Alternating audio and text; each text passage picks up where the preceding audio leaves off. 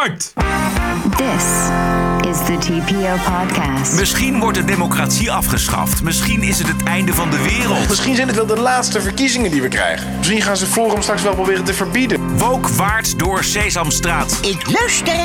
En hoe is het met de toon van het debat in Amerika? My colleague slept with a Chinese spy. And this would never Gentlemen, be. time's expired. Gentleman from Florida. Aflevering 301. Ranting and Reason. Bert Bresson, Roderick Phalo. This is the award-winning TPO podcast.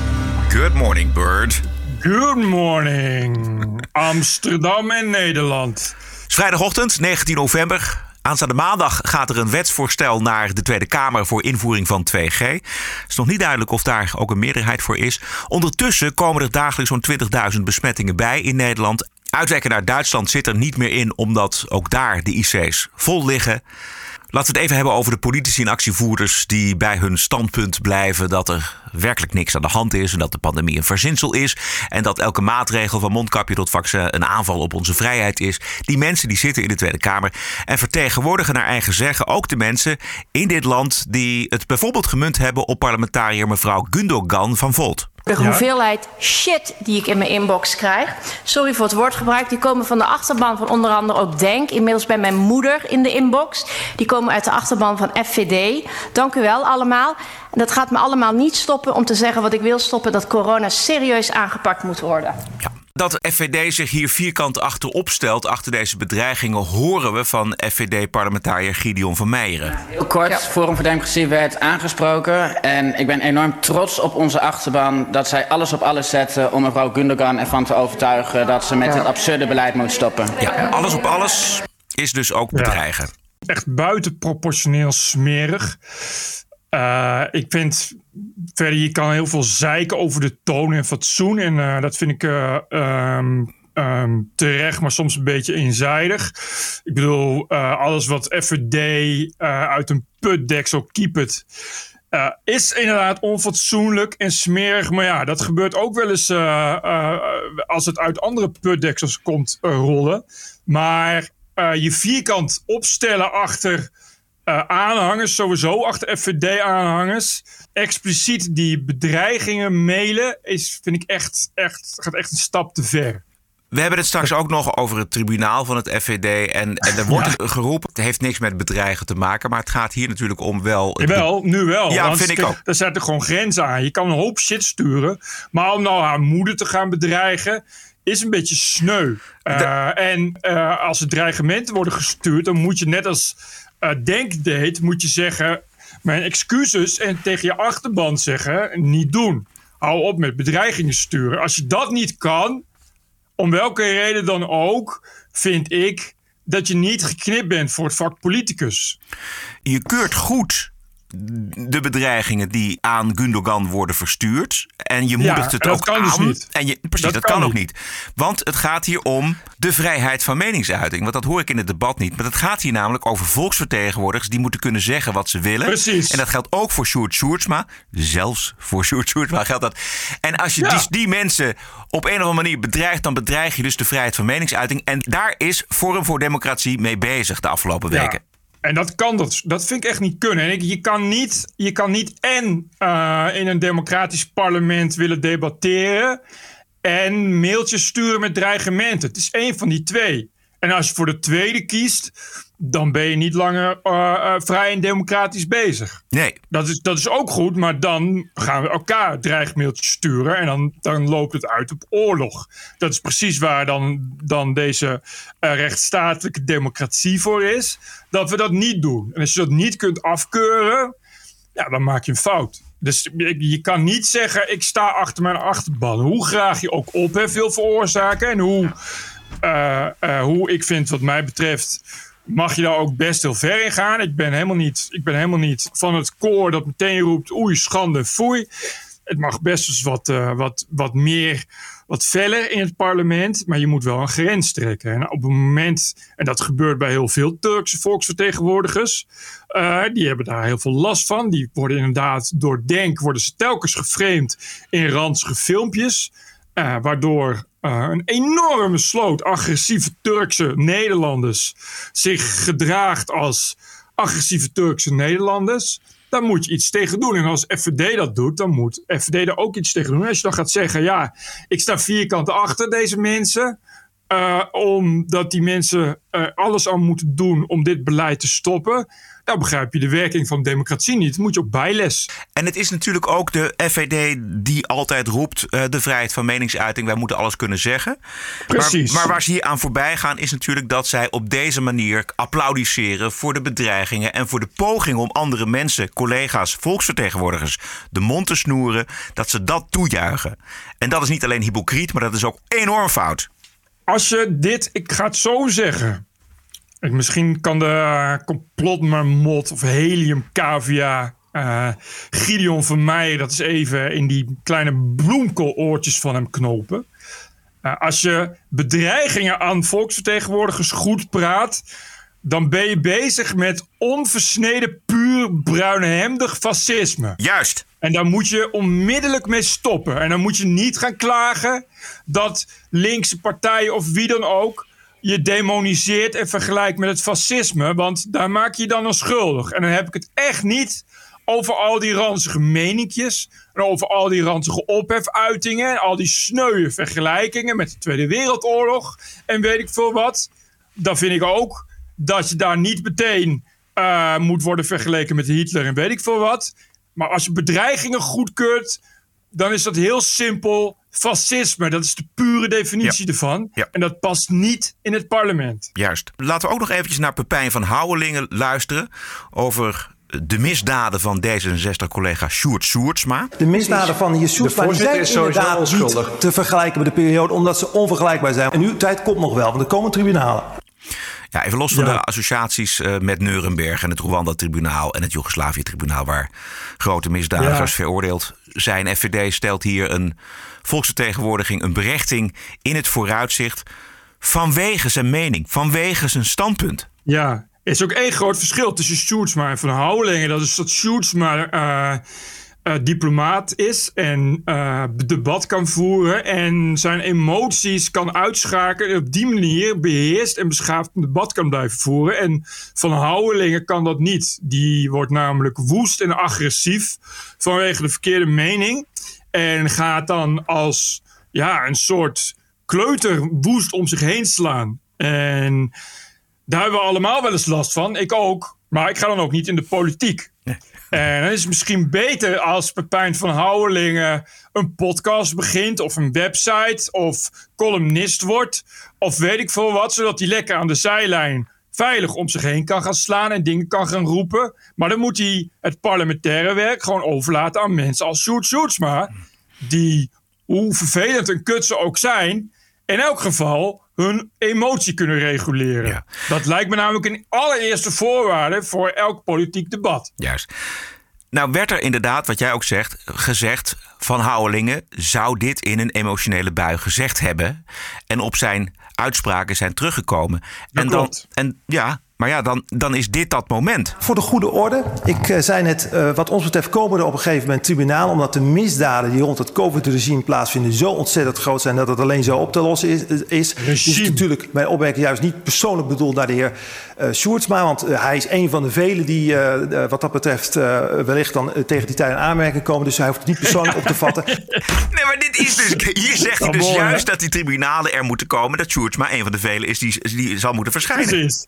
Dus sorry dat ik zei dat er tribunalen komen, maar er komen tribunalen. Precies, Sjoerdsma is maar nee, één maar, van hen. Ja, wat moet je, het is een soort, soort, soort clowneske uh, GGZ-instelling opmerk. Dat gelul op tribunalen. Maar Geert Wilders doet het ook al ja. jaren. Ja. Die, die zag ik gisteren. Heeft, uh, bovendien heeft hij gezegd dat hij er helemaal voor is voor tribunalen. Uh, en ik hoor nu al een jaar niks anders dan mensen die het hebben over tribunalen. Waar ik overigens ook naartoe moet. En jij ook, Roderick. Dat je het even weet. Omdat we allemaal de verkeerde mening hebben. Ja, ik vraag me af, waar zijn die tribunalen dan straks? Dat dan in Forumland of in Almere? Ja, je weet het niet. Gaan we daar met de trein naartoe om dat ja. toch een beetje in, in proporties te trekken?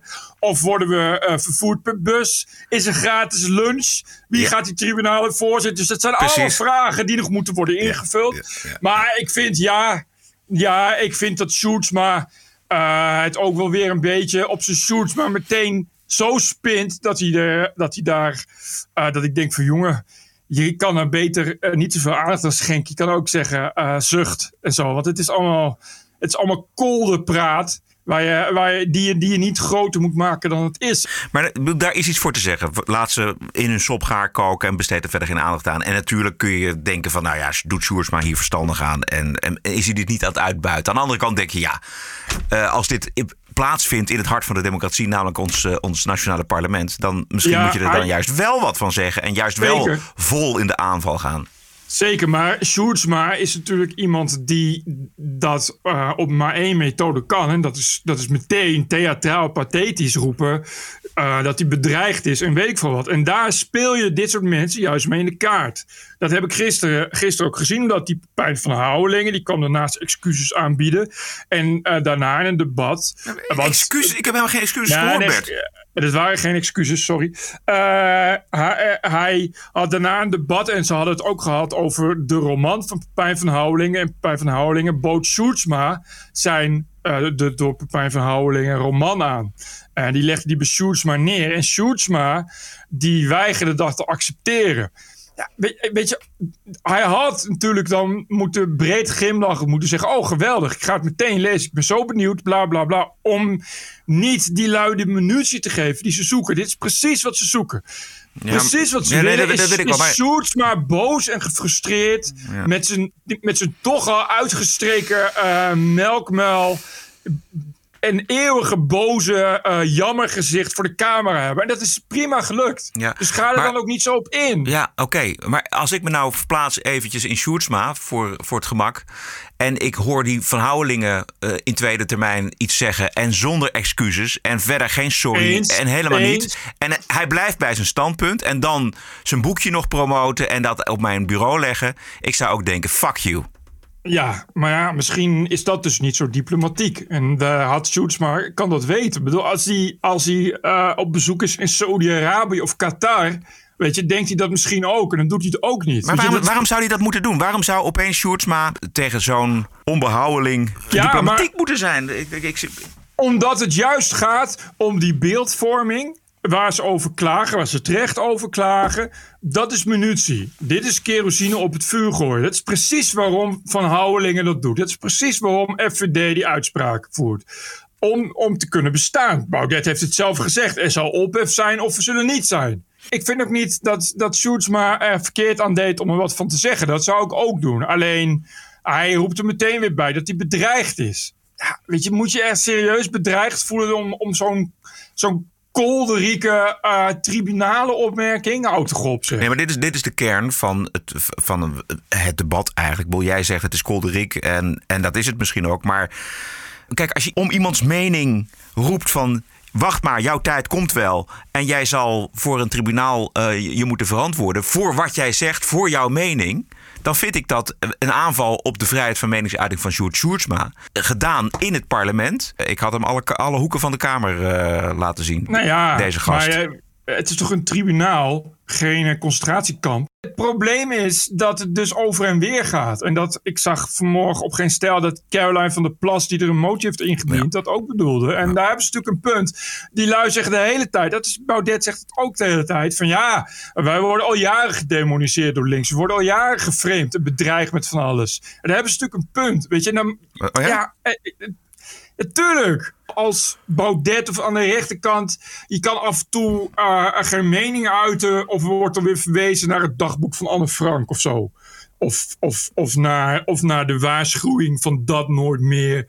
Of eh, naar de toon van het debat. Weet je? En het is, het is iets wat die lui hebben afgekeken en terugdoen. En dat is wat Denk ook doet. Je kan, Denk, wat Denk bijvoorbeeld heeft gedaan. Daar is Denk altijd heel succesvol in geweest. Is exact hetzelfde doen als Geert Wilders. Die lui, die denk vertegenwoordigt een hoop moslims, een hoop allochtonen. Die worden al 15 jaar worden die geteisterd door Geert Wilders. Die, die voor hun gevoel eh, door Geert Wilders worden weggezet als de boeman van alles. Door altijd door te worden geframed. Nou, die mensen zeggen van oké, dat kunnen we ook doen we terug. Nou, daar is denk ik heel succesvol in. En dat is FVD net zo. Die voelen zich al sinds Fortuin voelen ze zich gedemoniseerd door de linkse elite en, en dat soort dingen. Dus ze zeggen oké, dan gaan we dat terug doen. Hm, oké, nou binnenkort eh, hoeven we het er gewoon niet meer over te hebben, want dan is het toch eh, gedaan met de Tweede Kamer. Dit gaat niet goed. Jullie land, ons land, staat op de rand van de afgrond. En ze doen er alles aan om het moeilijk te maken voor ons om dat verzet te organiseren, door ons zwart te maken. Misschien zijn het wel de laatste verkiezingen die we krijgen. Ja. Hè, de laatste vrije verkiezingen die er zijn. Misschien gaan ze Forum straks wel proberen te verbieden, omdat we grensoverschrijdend gedrag heel erg schokkend, bla bla bla. Dit bedoel ik. Dit bedoel ik dus. FVD en Thierry Baudet in het bijzonder zijn een partij die bij uitstek leven van slachtofferkaart trekken. Ja. Maar hij zegt hier gewoon: heel Nederland staat op de rand van de afgrond. Dit zijn de laatste verkiezingen. Dat soort retoriek, dat is, dat is ook echt fascistische retoriek. Dit is echt van: er is maar één oplossing, dat ben ik. En ik ben de leider. En ik ga Nederland uit het moeras trekken. Ik weet niet of de rest van het fragment ook heeft. Ja. Hij zegt op een gegeven moment. Uh, uh, uh, ik geloof dat hij er alles aan gaat doen. Of dat nou via rechtszaken is of op andere wijze. Ja, luister.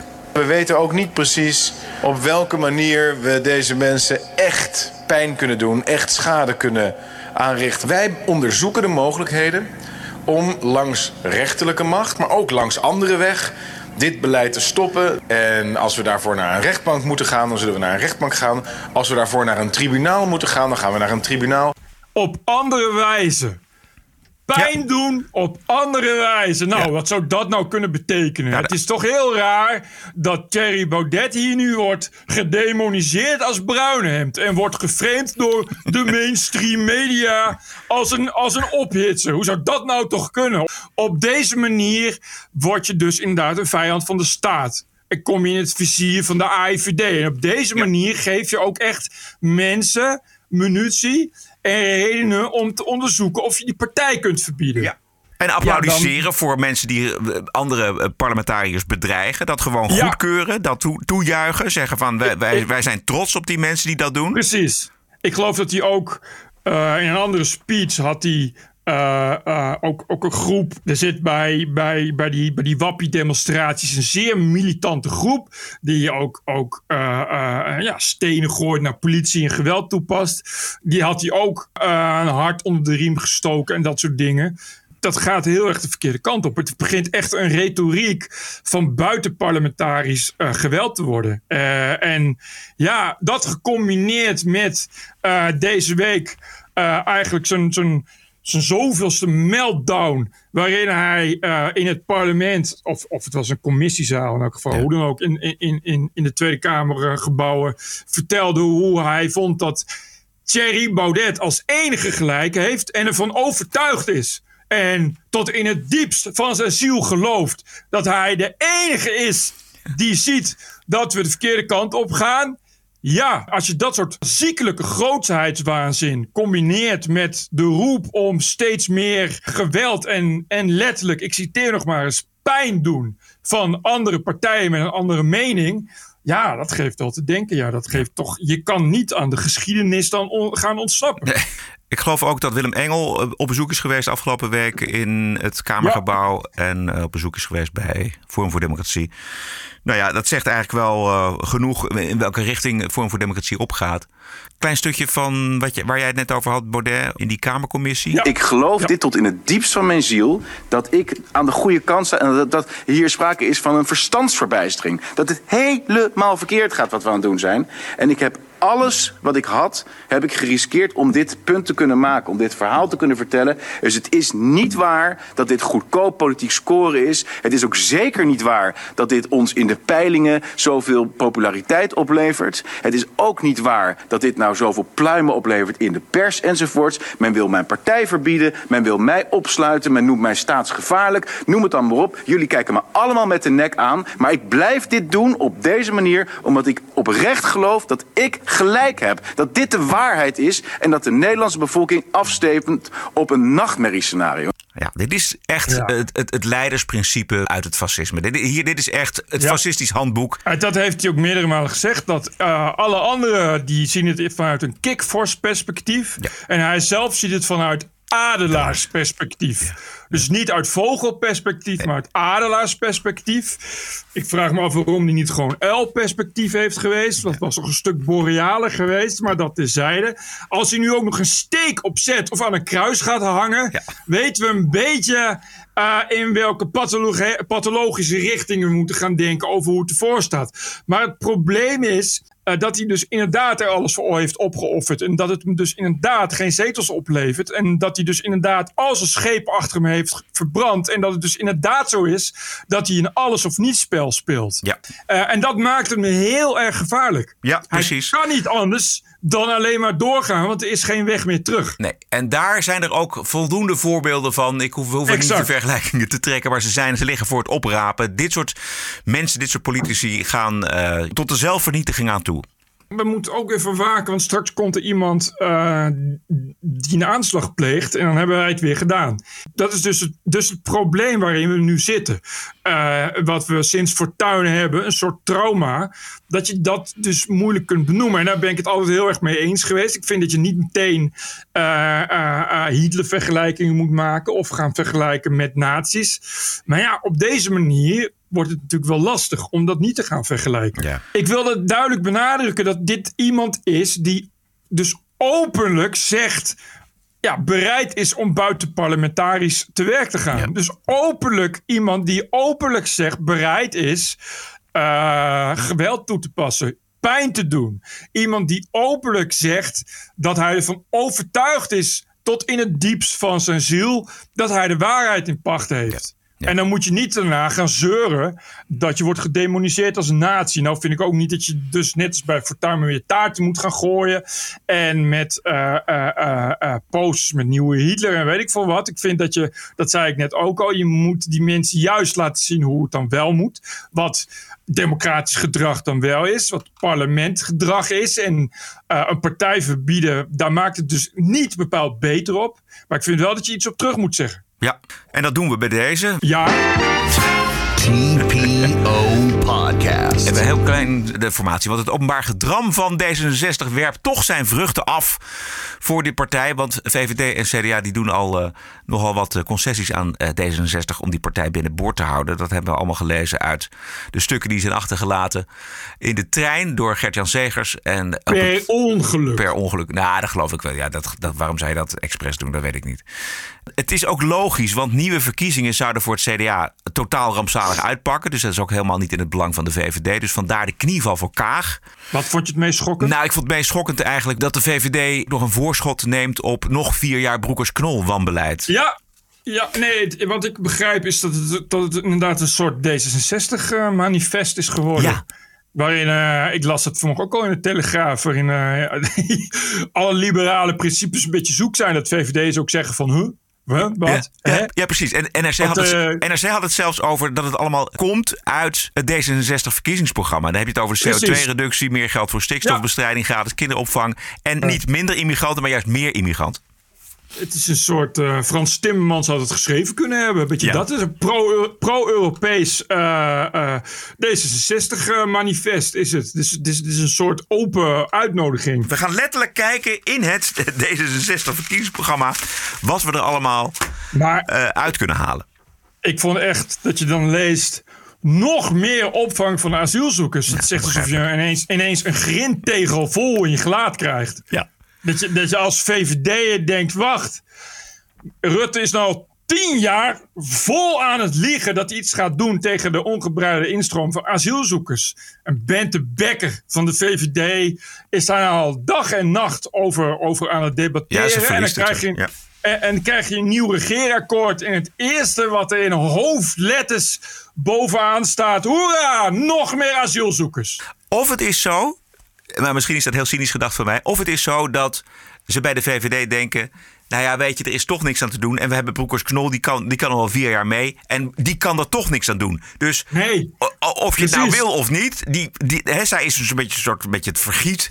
Hè, de rode loper van de overbevolking is zij. Het is niet tegen te houden, dus dan kunnen we net zo goed D66 tegemoetkomen en zeggen, nou weet je, ook de komende vier jaar zullen er niet minder, maar juist meer migranten in Nederland binnenkomen. Ik, ik denk inderdaad ook dat het echt. eh, eh, weet je, het is een mooie oplossing voor het probleem.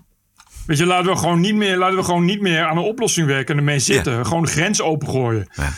Voordeel ervan is dat je dan ook geen, geen problemen hebt met wat gaan we doen tegen de asielzoekers. Die laten we gewoon binnen.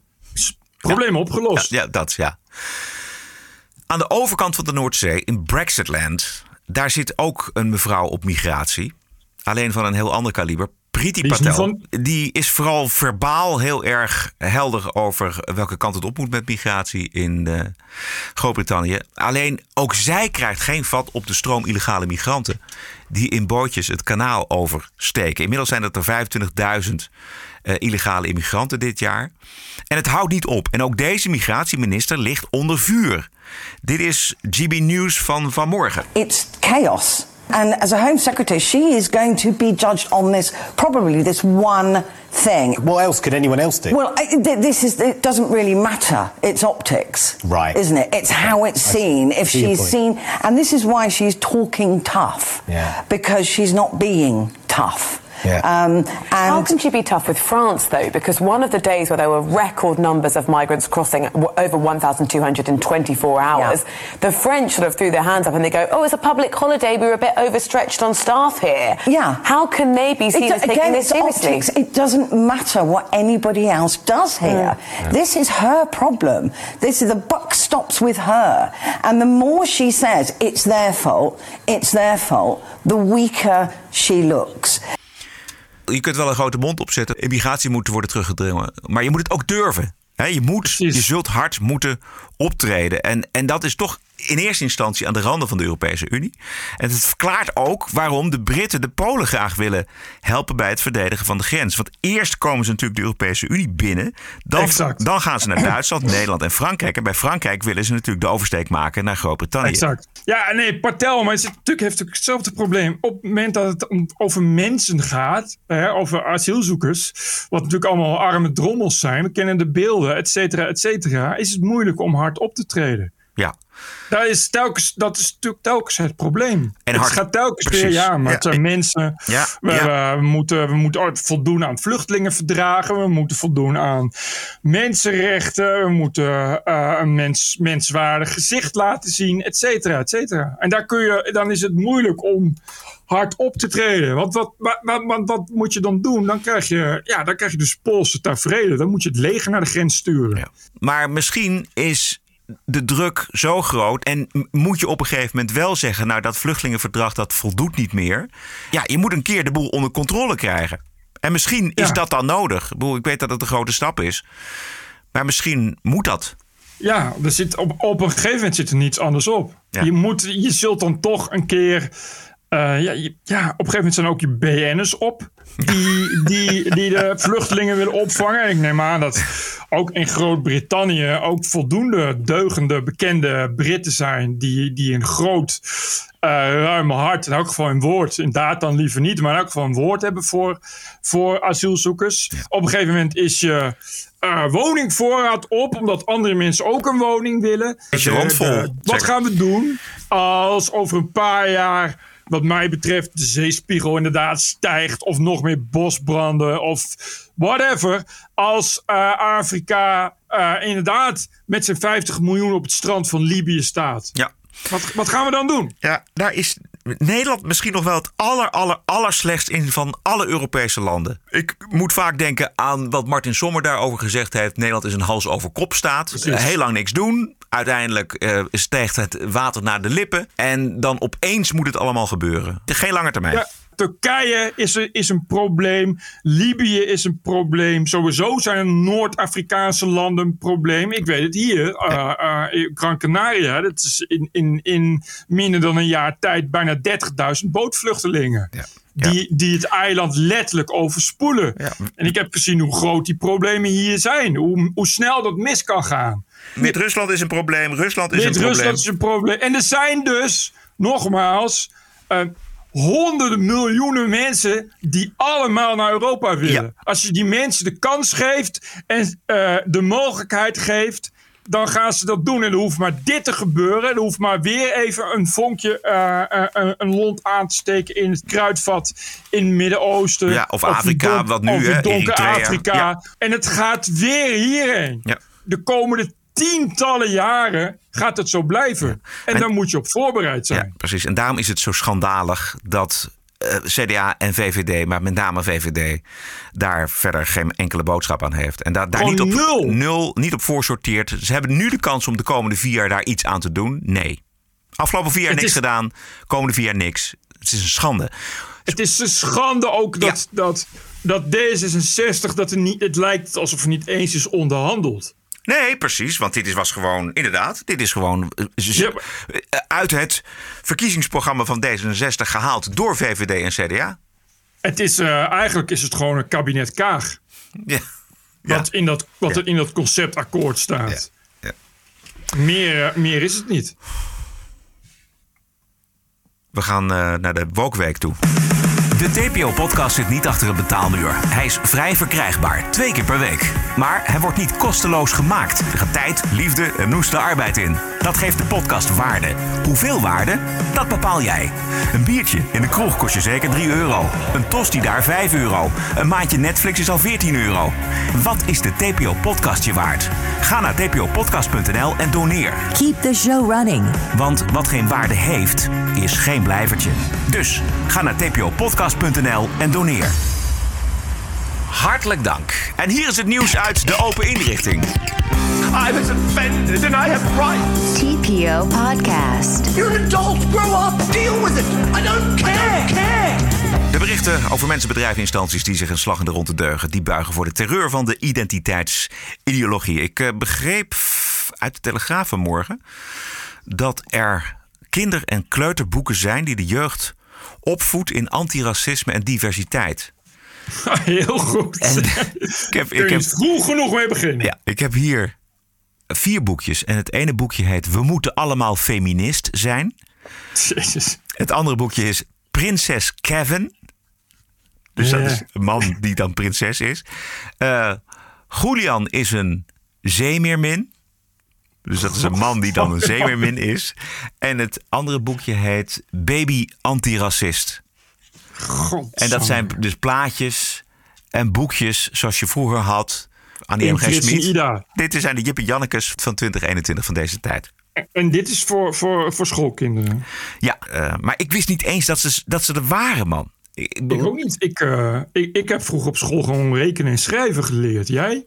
Ja, maar dit zijn dan kleuterboekjes. Hè? Dus zeg maar de Jip en Janneke, zeg maar, de, mensen, de, Ja? de, de kleine kinderen die voor het eerst kennis maken met een wat grotere wereld. eh, en dat moeten lezen in een boekje.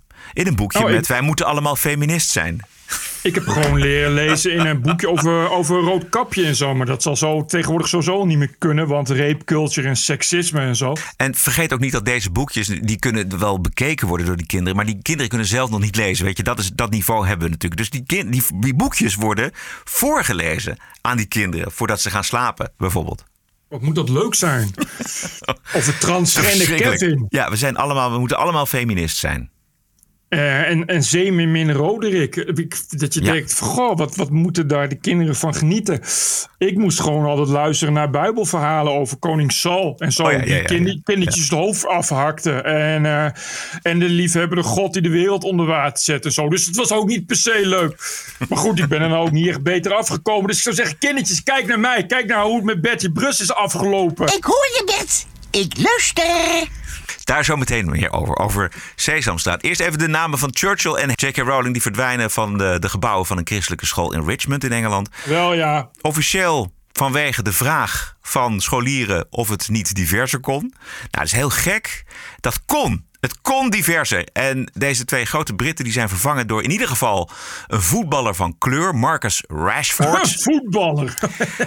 en we kunnen wel raden waarom juist Churchill en Rowling uh, weg moesten. Dit is uh, GB News van gisteravond. If it was genuine, I would perhaps understand, but it's clearly not. These are two very, you know, convenient people to replace J.K. Rowling because of the trans row that she was embroiled in, where she had the tenacity to say that, you know, biological sex exists.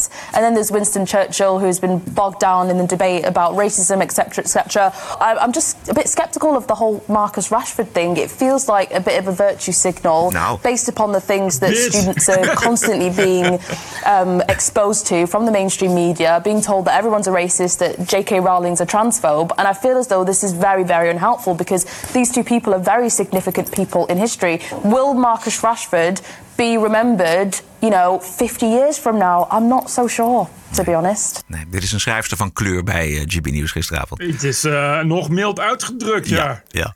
Het is toch maar tekent wel aan hoe, hoe, hoe, hoe giftig woke is. Hè? Dat je dus de staatsman die eigenhandig heeft voorkomen dat de wereld nu Duits spreekt. Dat je die gaat vervangen door een voetballer. Ja. ja. En, en, en uh, wat J.K. Rowling. Uh, ik, uh, volgens mij die vrouw is inmiddels miljarden waard. Dus die is begonnen als, als alleenstaande bijstandsmoeder die geen ja. cent had te makken. Die bleek zo'n talent te hebben dat ze alleen met het schrijven van boeken inmiddels miljarden waard is. Uh, je zou dan toch zeggen dat dat nou een goed voorbeeld is voor alle feministen wereldwijd. Over hoe je het glazen plafond kan doorbreken. Hoe je als vrouw helemaal niet part-time hoeft te werken. Hoe je enorm succesvol kan zijn. Je, maar het gaat om huidskleur. Boegbeeld, beter boegbeeld ja. is niet. En nee. nu moet ze weer kapot. Ja. Omdat ze vindt dat vrouwen vrouwen zijn en mannen mannen. En ze heeft de verkeerde huidskleur, zo simpel is het. En blank. Ja. Het is, uh, nou, dan maar vervangen door een zwarte voetballer. Ik had uh, deze week voor de Telegraaf een column getikt over het personeel van publieke instellingen eenzijdig geschoold worden over diversiteit en inclusie. We hebben het vorige week ook over gehad. Ja. En toen reageerde een mevrouw uh, daarop en die beschreef hoe zij ervaren heeft hoe bij Amerikaanse bedrijven dat natuurlijk al jaren de norm is. En zij kreeg op die cursussen dan vragen te beantwoorden als. Is vragen aan je collega Juan of hij Spaans spreekt een onbewust vooroordeel? En dan moet je natuurlijk ja op antwoorden. En is vragen aan Aziatische collega's of hij van pittig eten houdt een microagressie? en toen schreef zij: Om te slagen voor die cursus wist je precies wat je moest antwoorden. Ja, precies. Dus daar heb ik gewoon twee keer ja. Er is een leerling op een school in New Hampshire in Amerika haalde het nieuws. Hij zou beweerd hebben dat er uh, maar twee geslachten zijn, mannen en vrouwen. Nou, belachelijke bewering natuurlijk. Belachelijk. Uh, het blijkt notabene te gaan om een sms-gesprek met een klasgenoot in privé-tijd. En daarnaast had hij achter in de bus een gesprek met een vriend over gender- en voornaamwoorden. En dat het nou in het Spaans wederom, dat het best moeilijk is in het Spaans om die, aan die voornaamwoorden te komen. Omdat, nou ja, dat weet jij misschien wel, Spaans die zijn nogal rigoureus in het indelen van mannelijke en vrouwelijke woorden. Maar goed, hij had het daarover met een vriendje in een bus. En een andere student die hoorde dat gesprek in die bus en die ging naar de schoolleiding. Zover zijn we dus al. En wat zei de school? De school zei. In het beleid van de school staat dat studenten het recht hebben om aangesproken te worden met een naam en voornaamwoord van hun keuze, gerelateerd aan hun genderidentiteit. Degenen die de genderidentiteit of voornaamwoorden van anderen niet erkennen, schenden dit beleid. Mensen hebben het recht om te worden aangesproken mm-hmm. op voornaam. Mensen ja. hebben, die, dat zijn scholieren, die hebben helemaal geen recht. Die ja. hebben het recht om te luisteren naar wat school vindt en verder moeten ze hun bek houden. Ja. Het is geen democratie op school, dat komt als ze 18 zijn. Ja.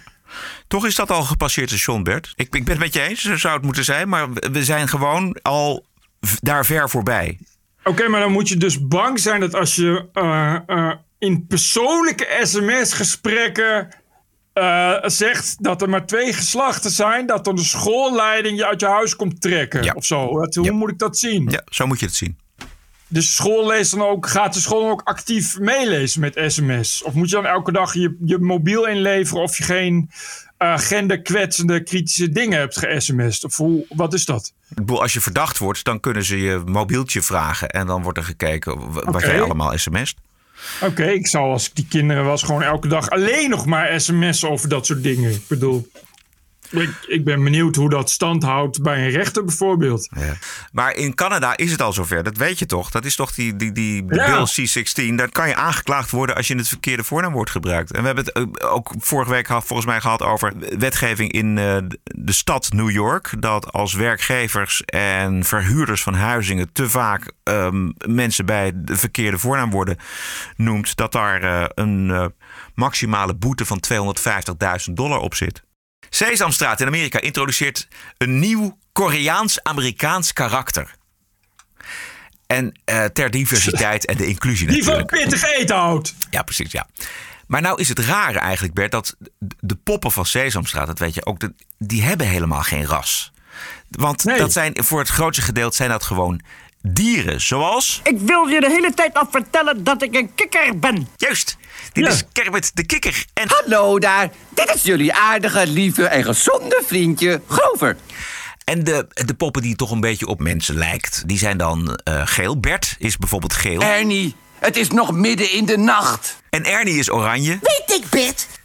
Ja, dat zijn meer sinaasappel en een banaan of zo. Maar geen, Ja, eh, nee, eh, geen, eh, geen afkomst. En dan heb je nog Pino de vogel en je hebt Tommy de hond. Dus ja, waarom een mens erbij kun je je afvragen. En waarom zo nadrukkelijk een Aziatische? Sesamstraat doet dat, hebben ze zelf gezegd, om iets te doen aan dat anti-Aziatisch racisme. Oh, oh. Ja. wat leuk. En dit Aziatische karakter gaat lumpia's maken en zo. Ja, nou dat is een hele goeie. Eh, of die is heel goed in rekenen. Ze wordt geïntroduceerd, want het is wel een zij. Ze wordt geïntroduceerd op Thanksgiving Day, dat is binnenkort. Ho, wacht, ho, ho, ho. Een zij? Ja. Did they just assume a gender? Een zij? Ja. Wat ja. nou een zij? Ja, dat is inderdaad, ja. Hebben we al gevraagd? Het lijkt mij een zij. eh, heeft Pinio al gevraagd hoe eh, dit karakter zich identificeert of wat? Hoezo een zij? Eventjes over dat anti-Aziatisch racisme. Dat is be- best wel een probleem aan het worden in Amerika. Eerst kreeg Trump daar de schuld van. Maar onder Biden wordt het alleen maar erger. Dus eh, aan Trump kan het niet gelegen Oei. hebben. Eh, Oei. dat dat anti-Aziatisch racisme dat komt vooral op naam van zwarte Amerikanen. Dat getuigen de, de filmpjes op Twitter. Ja, opvallend dat al die filmpjes die je op Twitter ziet... dat dat allemaal ja, zwarte Amerikanen zijn... die de aanval inzetten op mensen met een Aziatisch uiterlijk. Hoezo? Hebben ze ruzie over, over pittig eten? Of wat? Zou kunnen, weet ik niet. Maar Andy No, de bekende Ja? Andy No, die postte gisteren een filmpje van afgelopen woensdag in een metro in Philadelphia. En we zien een groepje vrouwen van kleur losgaan op jongens en meisjes met een Aziatisch uiterlijk. Klein stukje. Hey, bitch, stop fucking dicking! Run the airplane! What, bitch? Stop fucking! Watch out, watch out, watch out! Yo, yo! Het is eh, geen fijn gezicht, maar ehm, eh, het is wel de werkelijkheid. En toen dacht ik, ja, gek dat het racisme toch eigenlijk altijd over blanke mensen gaat. Maar als Aziaten worden aangevallen door zwarte Amerikanen, ja, dan, dan is dat is toch ook lastig. Hè? Want dan kun je dat niet onder white supremacy scharen. Nee, en, eh, en het is wel jammer dat het nu doorgaat. Want het was natuurlijk allemaal de schuld van Trump. Ja. Dat lag voor de hand. Want Trump heeft eh, zijn hele, hele termijn alleen maar elke dag opgeroepen tot haat tegen Aziaten of zoiets. Oh nee, wacht. Het volgende president is Trump out office. Dan gebeurt het ook. Maar dan is het niet de schuld van die president. Correct. Dus dan is het met terugwerkende kracht de schuld van Trump of zoiets. Hoe, hoe doen ze dat, democraten?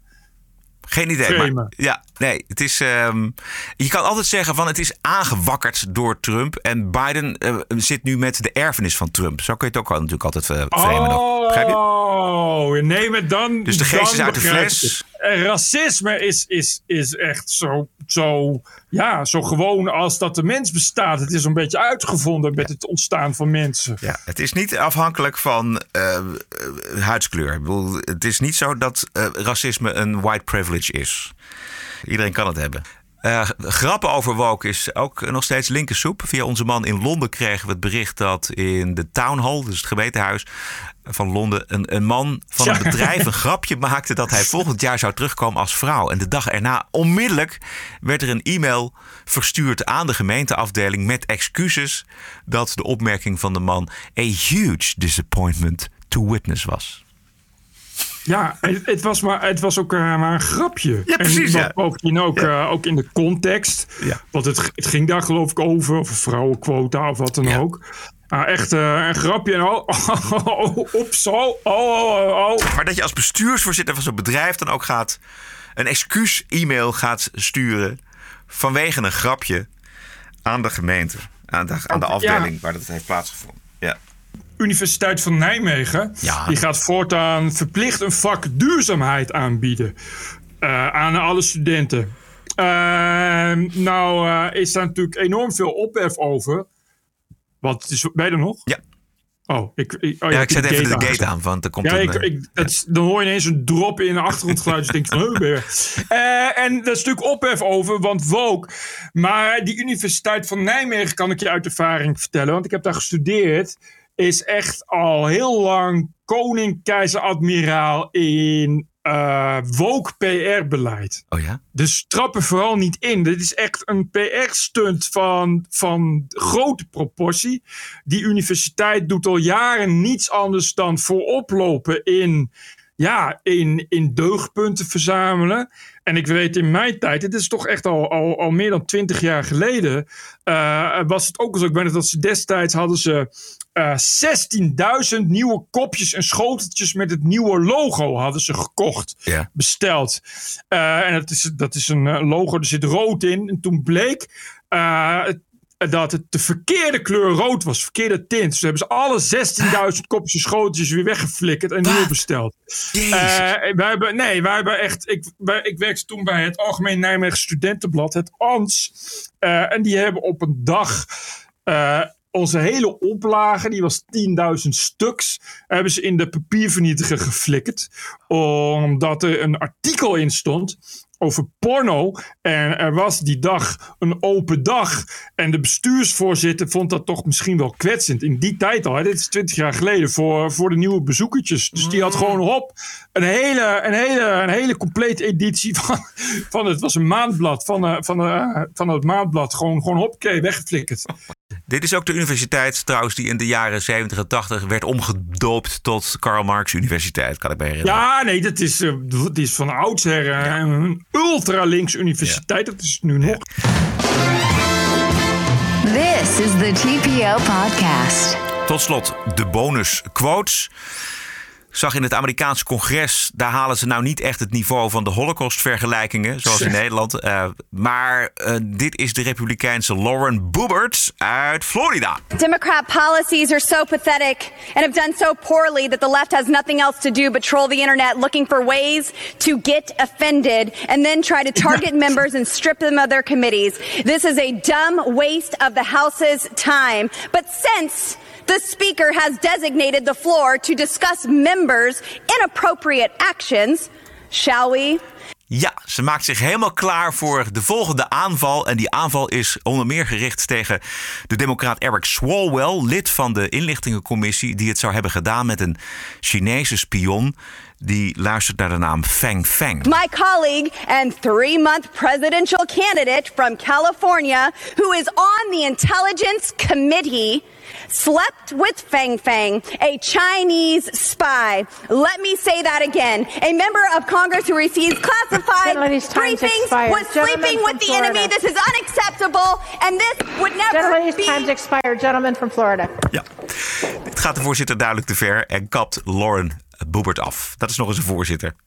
Is het echt zo? Dit is wel de, de, de oldest, cheapest trick in the world. Ja, deze voor, Feng- voor, voor, Ja. voor, voor mogelijkheden om, om een lekkere wijven te sturen in de hoop. Yes, it Dit is happened. wel echt, Ja. echt de, Ja, de honeypot waarvan je, waarvan je na les 1 als member of Congress al leert niet in te trappen. Zou je denken hoor. Zou je denken. Deze Feng Feng, dit was al lang bekend voordat deze Lauren Boebert dit in het congres vertelde. Maar deze Feng Feng bleek inderdaad een Chinese spion te zijn. Die het al in, Ja. in 2014, 2014 aanpapte met deze democraat.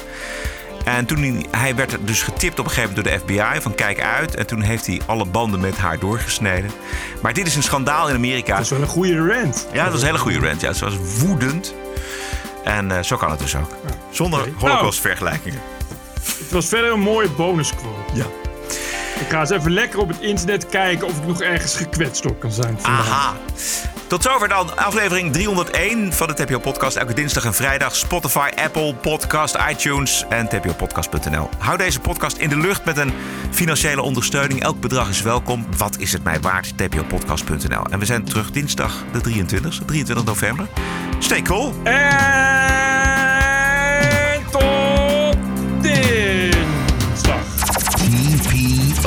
Podcast. Bert Bruson, Roderick Balo, Ranting and Reason.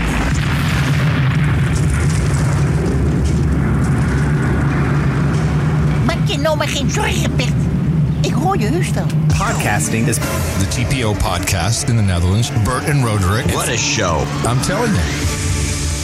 Keep the show running. Go to tpo.nl slash podcast. Thank you.